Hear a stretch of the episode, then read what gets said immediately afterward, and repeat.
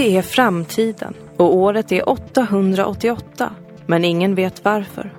Någon gång så började man räkna från år noll igen och Simonius Copernicus har bestämt sig för att ta reda på vad det var som hände för 888 år sedan. Han befinner sig på fraktfartyget Tre svenska tulpaner som han mönstrat på under sitt alter ego, Mr Harold Lloyd Webber. Ett namn som Jonathan von Ungern fått syn på när han går igenom passagerarlistorna. Efter en hård natts arbete är han tillbaka hos Fulingen. Han är på tre svenska tulpaner. Vad snackar du om? Simonius. Han är på fraktfartyget Tre svenska tulpaner. Omöjligt. Omöjligt. Du har själv sett passagerarlistan. Vad är passagerarlistan förresten? Här. Och där är Simonius. Hur är det möjligt? Mr Harold Lloyd Webber. Jag visste att jag kände igen det namnet. Ni är bekanta? Det kanske man skulle kunna säga.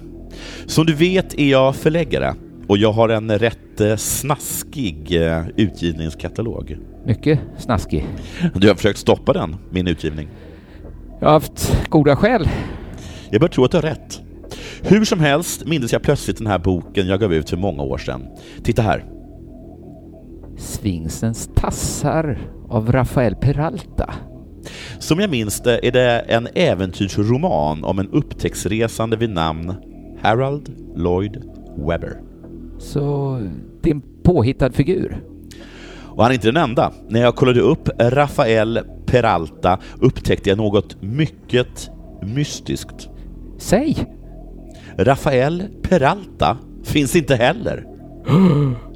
Även Rafael Peralta var ett alter ego till Simonius Chypernicus. Det var i Rafael Peraltas skepnad han hade skrivit de många böckerna om Mr Harold Lloyd Webber. Rafael Peralta, eh, vad kan jag säga? Han är toppen. Eh, mexikansk konstnär, musiker med egen swingsextett och så skriver han äventyrsromaner. Lite mer filosofiska äventyrsromaner. Eh, konstnärligt intressanta skulle jag säga. Rafael Peralta existerar alltså inte? Han säljer i alla fall inte särskilt mycket böcker. Fyra, fem stycken har det blivit genom åren. Extremt skralt resultat. Men det har i alla fall eh, lett till några öres royaltybetalningar. Mm. Follow the money, jag gillar vad jag hör. Mm. Och mycket riktigt, pengarna gick rakt in på Simonius bankkonto.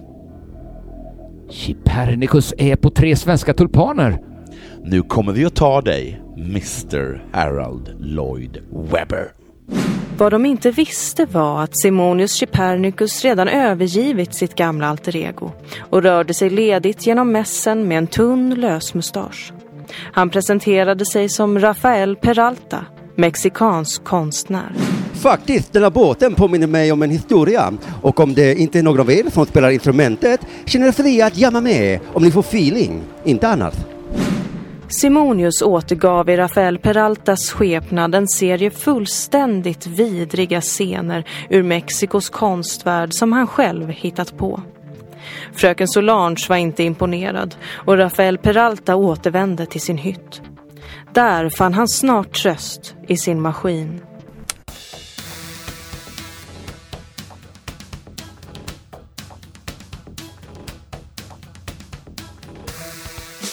Aloha betting lovers och välkomna ska ni vara till Betting Lovers in Space, en galen gameshow som görs i samarbete med 888 Sport som ni hittar på 888sport.se. Vi sänder som vanligt från Hawaii och de åtta öarna som blivit över när resten av planeten ödelades. Tråkigt för humanoiderna och deras gamla civilisationer som raderades, men lyckligtvis bevarades den märkliga maskin som räknar ut oddsen på 888sport.se. Så ingen katastrof, om du frågar mig. Det går fortfarande att spela det urgamla spelet Veckans 8 på 888sport.se där du med enbart tankekraft ska försöka föreställa dig resultatet i åtta fotbollsmatcher. Det är gamla bettingbolagets urgamla gåta. Hur kunde man förr i tiden veta hur fotbollsmatcher slutade innan de ens spelats? Gå in på 888sport.se och känn historiens vingslag. Eller gå in på 888sport.se kampanjer och se hur de redan gamla bettingbolagen visste hur man pressar upp oddsen på utvalda matcher till galaktiska nivåer.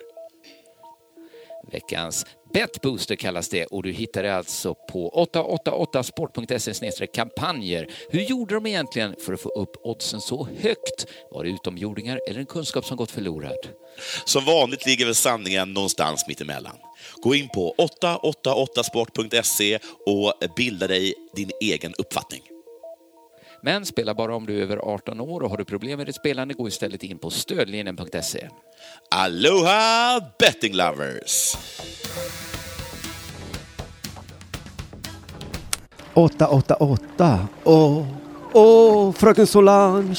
Varför var ni inte imponerad av min konst och mina filosofiska äventyrsromaner? Och min swing-sextett.